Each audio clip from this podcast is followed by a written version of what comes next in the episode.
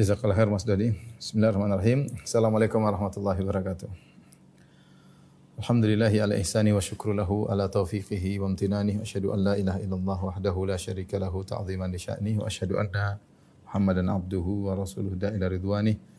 Allahumma salli alaihi wa ala alihi wa ashabihi wa ikhwani. Para ikhwan dan akhwat, para pemirsa, rekan-rekan di Musqat yang dirahmati oleh Allah Subhanahu wa taala. Kita melanjutkan bahasan kita pada pertemuan lalu kita bahas al-awwal wal akhir. Kemudian uh, selanjutnya sekarang adalah al-zahir wal batin. Al-zahir dan al-batin. Yang maha zahir uh, dan maha batin. Uh, sebagaimana pada pertemuan lalu ini ditunjukkan oleh Al-Qur'an dalam surat Al-Hadid ayat 3 ya. Al-Hadid ayat 3. Allah Subhanahu wa taala huwal awwal wal akhir. Awwal wal akhir wal zahir wal batin. Al zahir wal batin. Ya. Wa huwa bikulli syai'in alim. Dialah yang awal, al-awwal dan yang al-akhir, al-zahir dan al-batin dan dia maha kuasa atas segala sesuatu. Adapun hadis ya uh, sebagian dalam sudah kita sebutkan juga sabda Nabi SAW menafsirkan uh, ayat ini ya. Dan Rasulullah SAW yang paling tahu tentang Allah Subhanahu wa taala. Dalam hadis kata Rasulullah SAW, "Fa ana a'lamukum billah wa akhsyakum." Aku adalah yang paling tahu tentang Allah dan yang paling takut kepada Allah Subhanahu wa taala. Sabda Nabi sallallahu alaihi wasallam yang menafsirkan ya yang menafsirkan uh, nama-nama Allah tersebut, nama-nama Allah ini. Uh, apa kata Nabi sallallahu alaihi wasallam? Kata Rasulullah sallam, ya. Uh, anta adh-dhahir falaysa fawqaka syai'. Wa anta adh-dhahir falaysa fawqaka syai'un. Artinya engkau adalah yang zahir. Engkau zahir dan maka tidak ada yang di atas tidak ada satupun di atasmu. Tidak ada sesuatu pun di atasmu.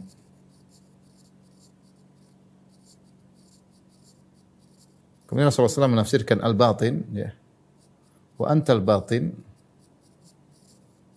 falaysa dunaka syai'.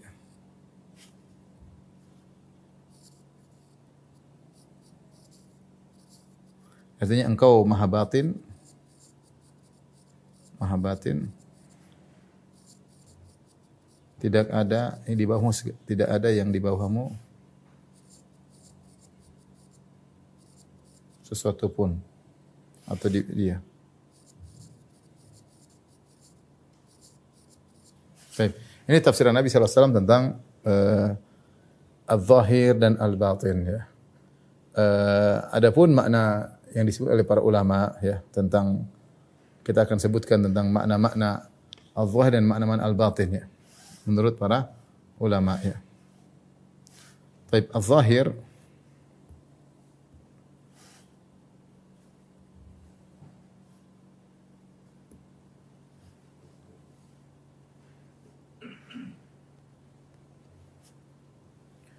makna zahir sebagaimana dijelaskan oleh para ulama.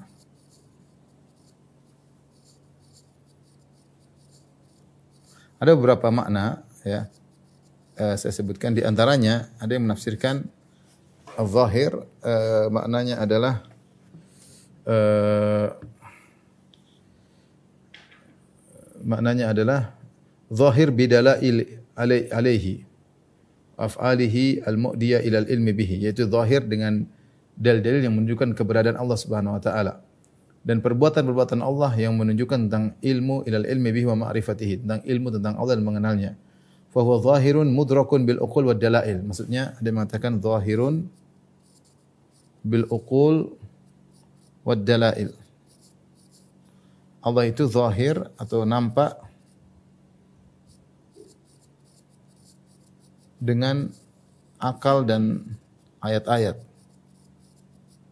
Sebagian perkataan seorang penyair, wa fi kulli syai'in lahu ayah tadul ala annahu wahid. Ya. Segala sesuatu ada tanda yang menunjukkan Allah adalah Maha Maha Esa. Jadi dia ingin menunjukkan maksudnya zahir di sini adalah Allah keberadaannya sangat zahir. Maksudnya adalah keberadaannya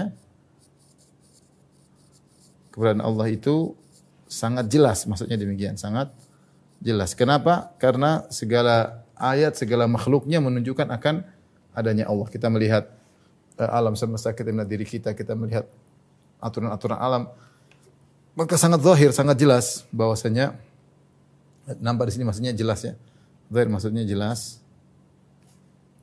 Uh, dengan akal dan ayat-ayat, dengan kita merenungkan, berfikir dan uh, akal, maka dengan ayat-ayat perbuatan-perbuatan Allah menunjukkan akan hal tersebut. Ini tafsiran disebutkan oleh Az-Zajaji ya.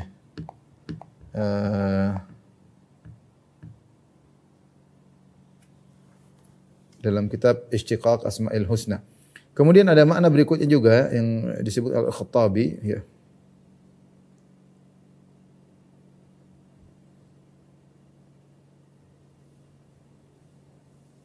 Al-Khattabi ini dari Az-Zajjaji.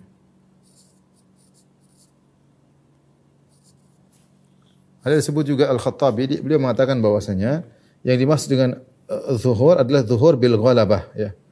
ya. bisa dia sebutkan dengan makna yang sama oleh Zajaji yaitu zahir bi hajjihil bahirah. Kata beliau zahir bi hujajihil bahirah yaitu Allah jelas dengan hujah-hujahnya argumentasi yang sangat luar biasa. Wa, wa barahinihin nayyirah dan juga uh, argumentasi-argumentasi yang menunjukkan tentang Allah itu ada wa bi syawahidi a'lamihi dalla ala thubuti rububiyyatihi. Demikian juga dengan persaksian dari tanda-tanda yang ayat-ayat Allah yang menunjukkan akan rububiyahnya. Wa sihhati wahdaniyatihi dan dia adalah yang Maha Esa. Ini makna zahir sebelum disebutkan oleh Az-Zajaji. Kemudian dia berkata, wa yakunu adh-dhahiru fawqa kulli syai'in bi qudratihi, yaitu zahir fawqa kulli syai'in bi qudratihi. Itu unggul atas segala sesuatu sesuatu dengan kuas, kuasa, kuasanya. Uh, ini maknanya al-ghalabah, maknanya al-ghalabah, mendominasi. Ini zuhur, al-zahir bil ghalabah, yaitu zuhur bil ghalabah. Zuhur bil ghalabah. Maksudnya Allah mendominasi segala sesuatu ya. Ini maksudnya Allah mendominasi atau mengalahkan segala sesuatu.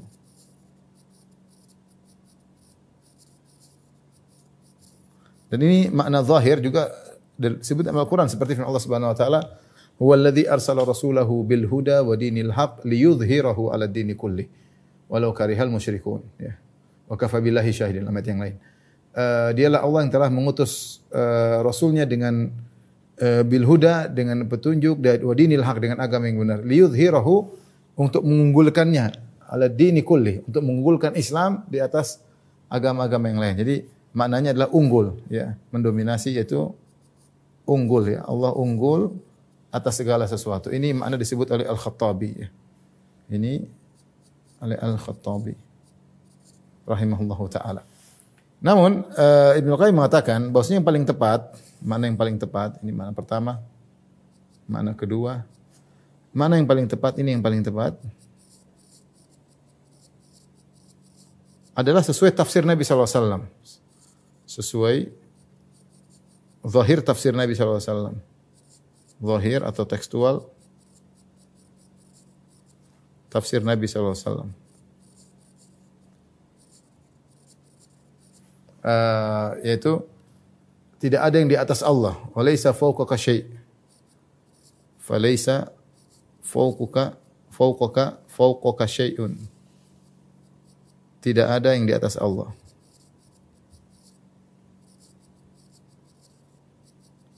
Allah maha tinggi. Jadi ini maknanya adalah ulu zat. Zat Allah yang maha tinggi. Yang maha tinggi.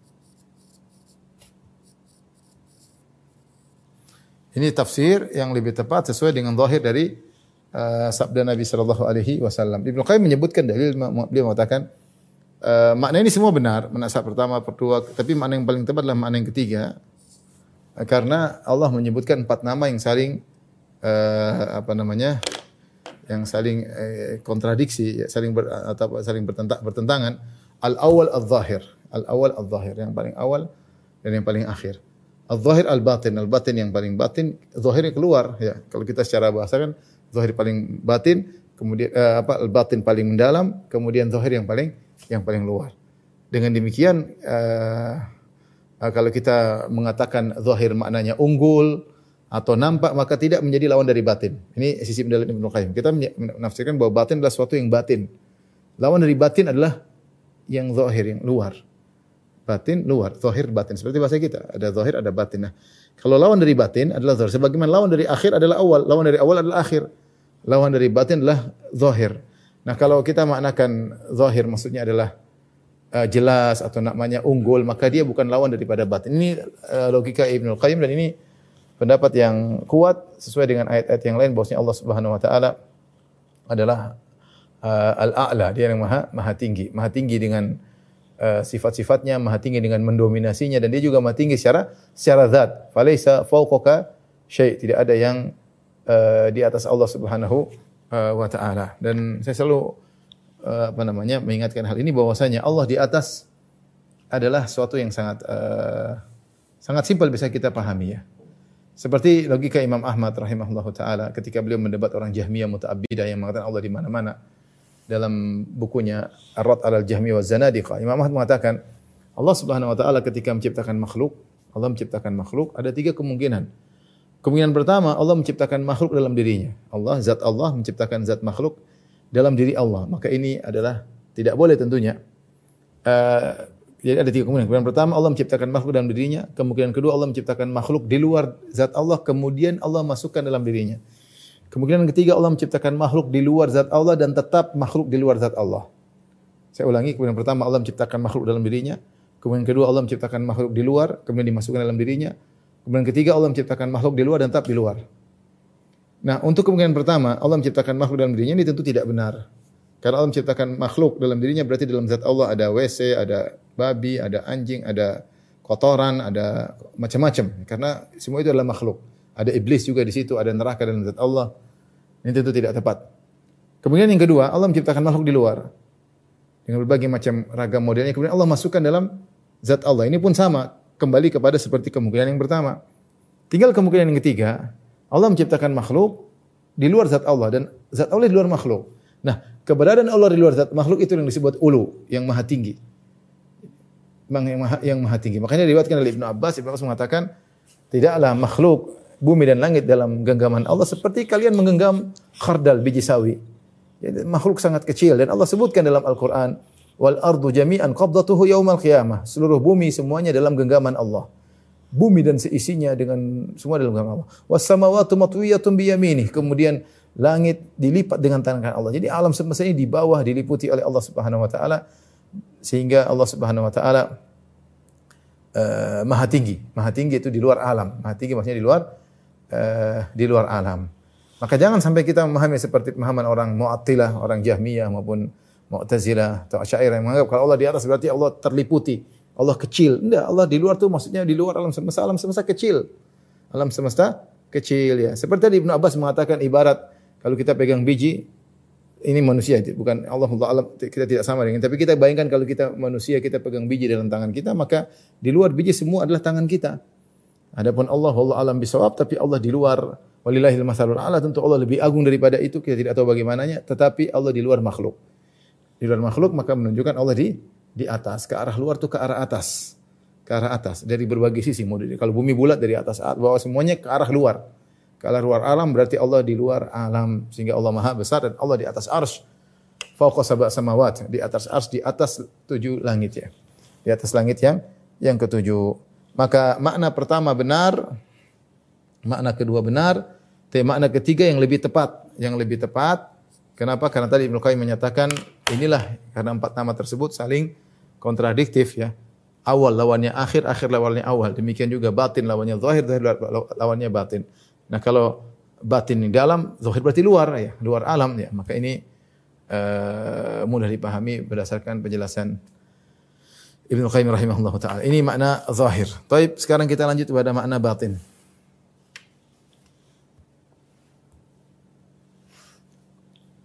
Al-batin. Al-batin uh, uh, disebutkan dalam secara bahasa At-Tabari berkata Al-batin kata Tabari maknanya itu satu makna ya, dia satu makna aja. Uh, maknanya adalah huwal batin li jamil asya. Huwal batin li jamil asya. Fala syai' aqrabu ilaihi syai'in minhu. Tidak ada yang lebih dekat kepada suatu seperti Allah itu Allah meliputi ilmunya. Ya. Dan Az-Zajjaj berkata, Az-Zajjaj berkata, al-batin huwa al-alim bi bitanati syai'.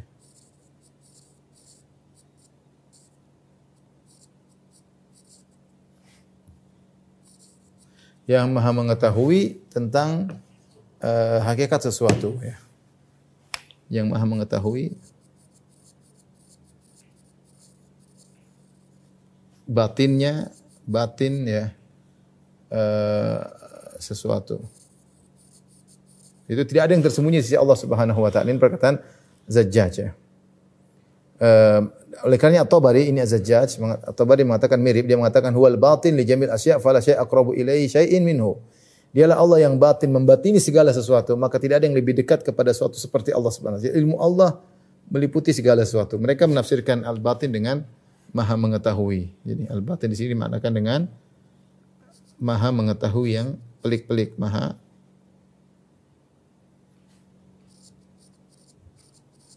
mengetahui yang batin-batin, dalam dalam batin-batin sesuatu, segala sesuatu.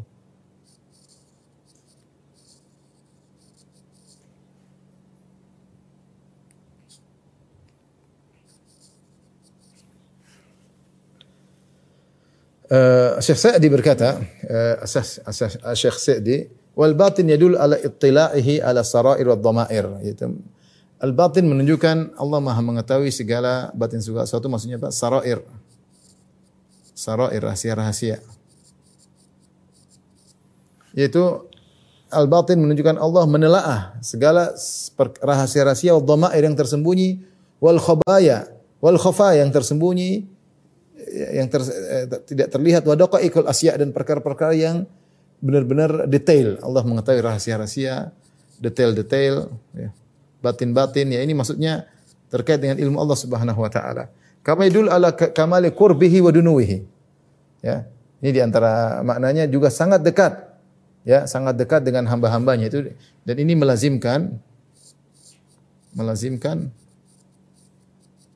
Allah dekat ya, dekat dengan makhluknya. Makhluknya maksudnya secara ilmu, secara ilmu. Tidak ada yang lebih dekat daripada Allah itu ilmu Allah meliputi segala sesuatu. Ilmu Allah meliputi segala segala sesuatu ya. Ini uh, uh, beliau mengatakan tidak bertentangan dengan uh, zahir makna Allah yang zahir ya. Jadi ini mudah bagi Allah Subhanahu wa taala saya bacakan ayat-ayat bagaimana Allah di atas arsh, tetapi Allah uh, ilmunya meliputi segala sesuatu. Seperti Allah Subhanahu wa taala ya.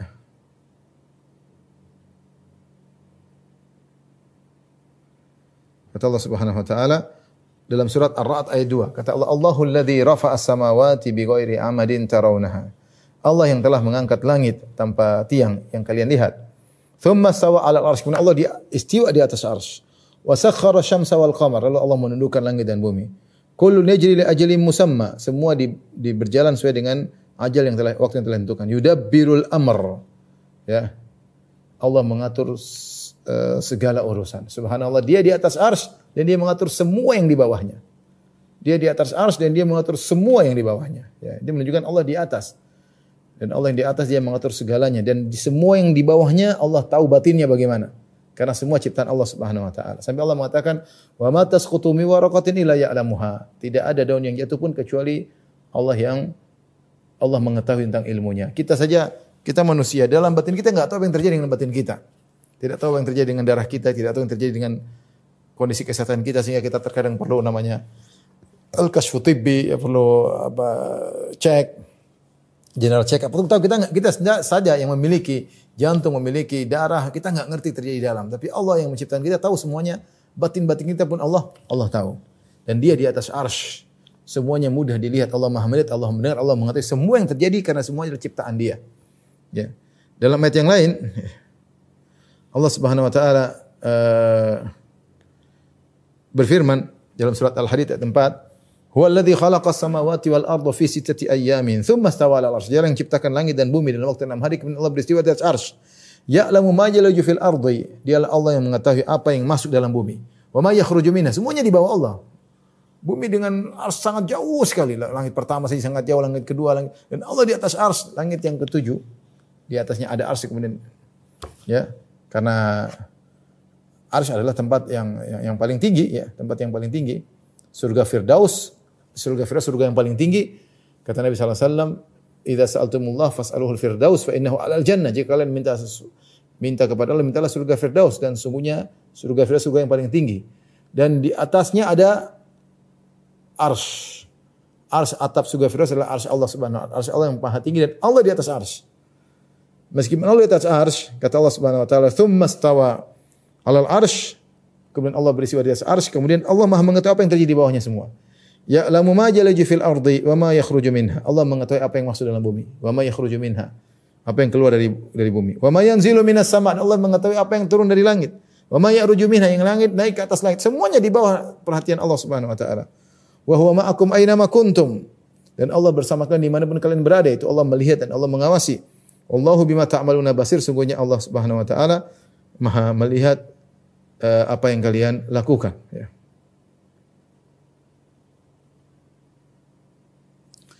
Dalam dalam uh, dalam surat demikian juga dalam surat As-Sajdah. Surat surat Sajdah ayat 4 ayat 5 saya bacakan. Allahul ladzi khalaqas samawati wal arda wa ma bainahuma fi sittati ayyam. Dialah Allah yang menciptakan langit dan bumi.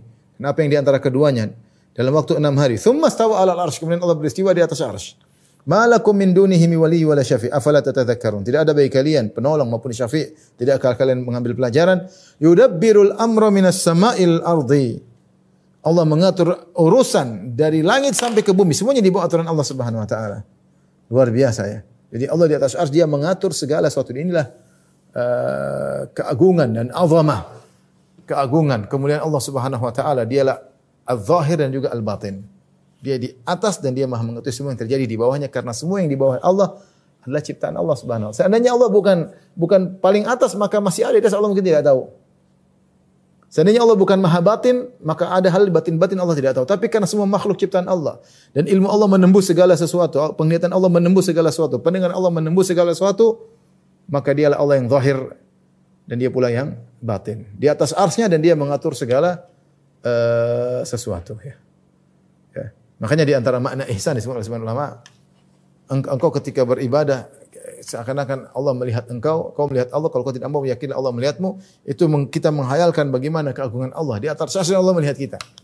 Dan Allah melihat uh, melihat kita. Ini uh, kira-kira makna dari al-zahir dan uh, al-batin yang menunjukkan kesempurnaan Allah Subhanahu wa taala. Taib, uh, apa faedah dari kita beriman tentang makna al-zahir dan al-batin?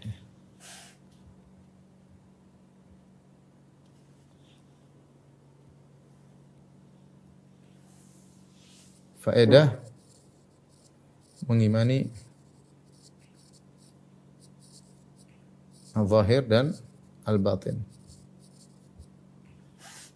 Yang pertama, uh,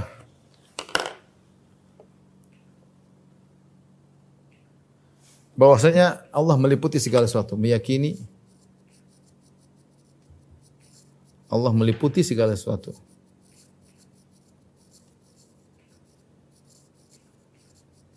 dari sisi sisi tempat, sisi waktu. atau zaman. Sebut al-ihatah az-zamaniyah. Al-ihatah al-makaniyah. Allah meliputi segala zaman karena dialah al-awwal wal, wal, wal akhir. Kalau dia yang awal, dia yang akhir, maka semua yang antara keduanya dia tahu semuanya. Tapi kalau ada sesuatu sebelum Allah, tentu Allah tidak tahu sesuatu sebelumnya. Tapi dia awal dan akhir, maka semua dia liputi secara zaman, semua di bawah naungan Allah Subhanahu Wa Taala. Demikian juga, uh, ya,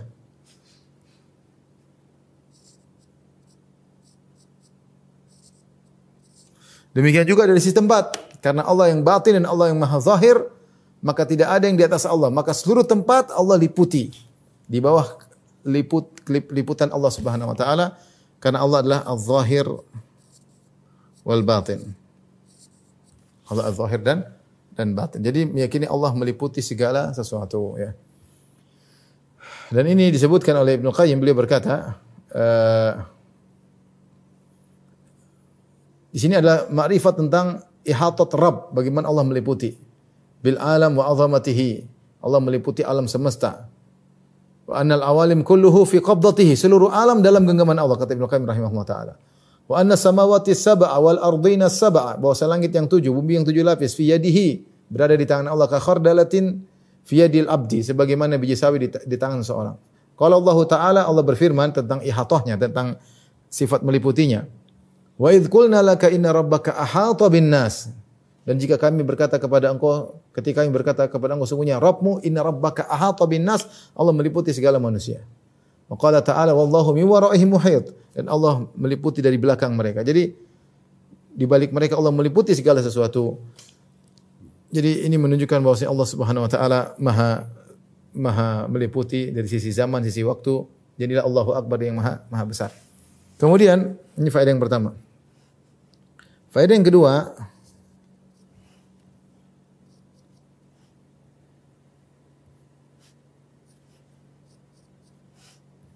meyakini maha kaya Allah dan maha asomat. Dia adalah asomat yang semuanya butuh kepadanya.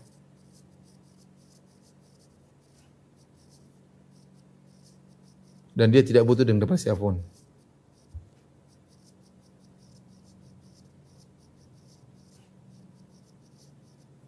Kenapa bisa demikian? Karena Allah lah yang maha awal. Dia tidak butuh kepada siapa pun. Dia sudah ada.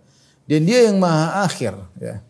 Ujung kembali kepada dia yang maha zahir. Tidak ada yang di, di apa namanya di atas dia. Maka dia memiliki al-ghina al-mutlak. Kekayaan yang mutlak. Dia adalah as-samad yang semua membutuhkan dia dan dia tidak butuh kepada siapa pun.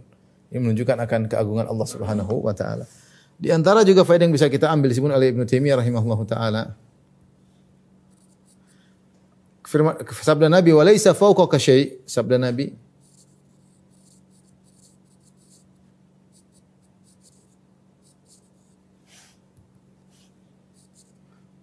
Falaisa fawqaka syai'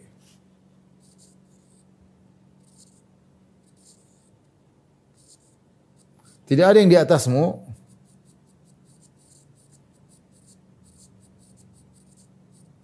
menunjukkan menunjukkan apa? Kalau Allah turun ke langit bumi tetap tidak ada di atas Allah. Tidak ada sesuatu pun berarti bukan berarti kalau Allah turun ke langit bumi berarti ada yang di atas Allah. Jika Allah turun ke langit bumi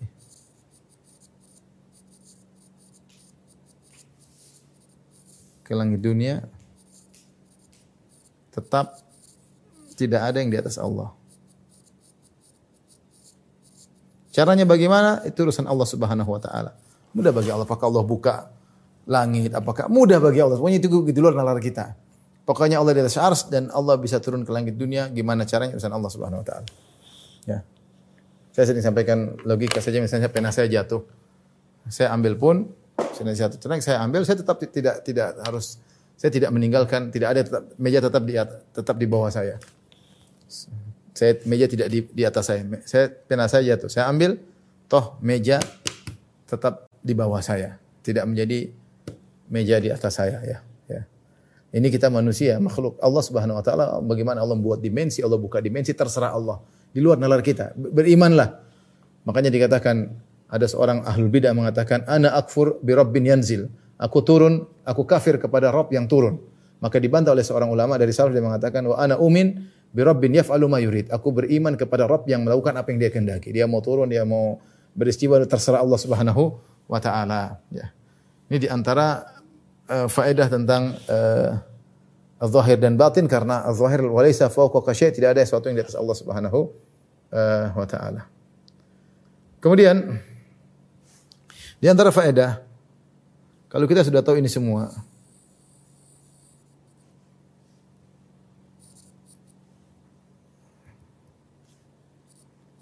Hamba hanya bergantung kepada Allah. Hendaknya hamba hanya bergantung kepada Allah.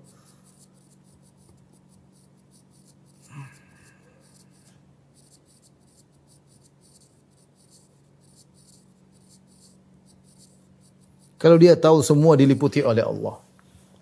Semua di tangan Allah Subhanahu wa taala. Semua di bawah aturan Allah Subhanahu wa taala. Semua diliputi oleh ilmu Allah Subhanahu wa taala. Semua di bawah kekuasaan Allah bersandar kepada siapa lagi? Dia orang yang berhak untuk kita bersandar kepadanya kalau dia dia adalah awal wal akhir, dia adalah al-zahir dan al-batin. Ya, ini faedah yang keempat uh, sehingga kita hendaknya bersandar kepada Allah Subhanahu wa taala. Dan yang terakhir yang kelima, faedah yang kelima uh, untuk menghilangkan waswas syaitan ya.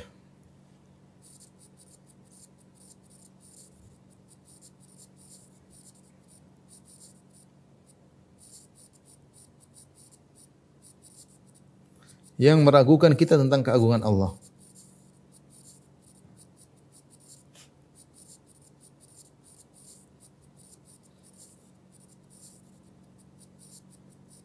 Uh,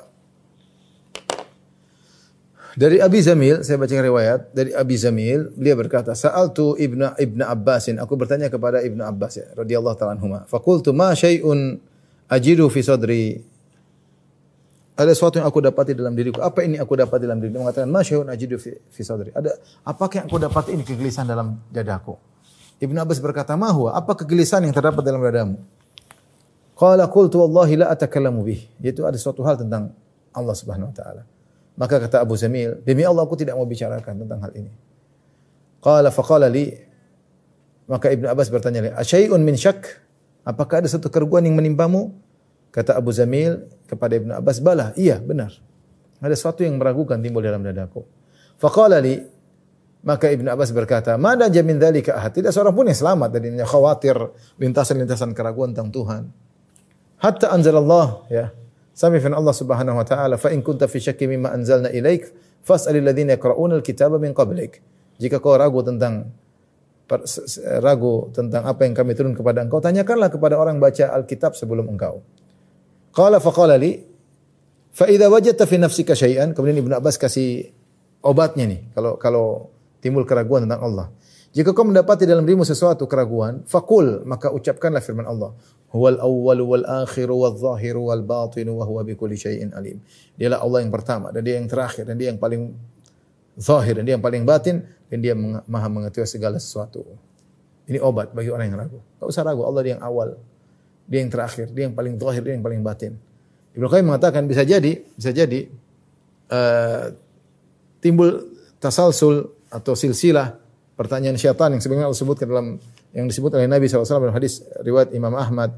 Syaitan datang kepada seorang bertanya siapa yang menciptakan ini? Maka dia jawab yang menciptakan ini. Dari ini berasal dari mana? Ini dari ini. Ini dari berasal dari mana? Sampai akhirnya dia mengatakan Allah berasal dari mana? Syaitan akan bilang begitu. Kalau gitu Tuhan berasal dari mana?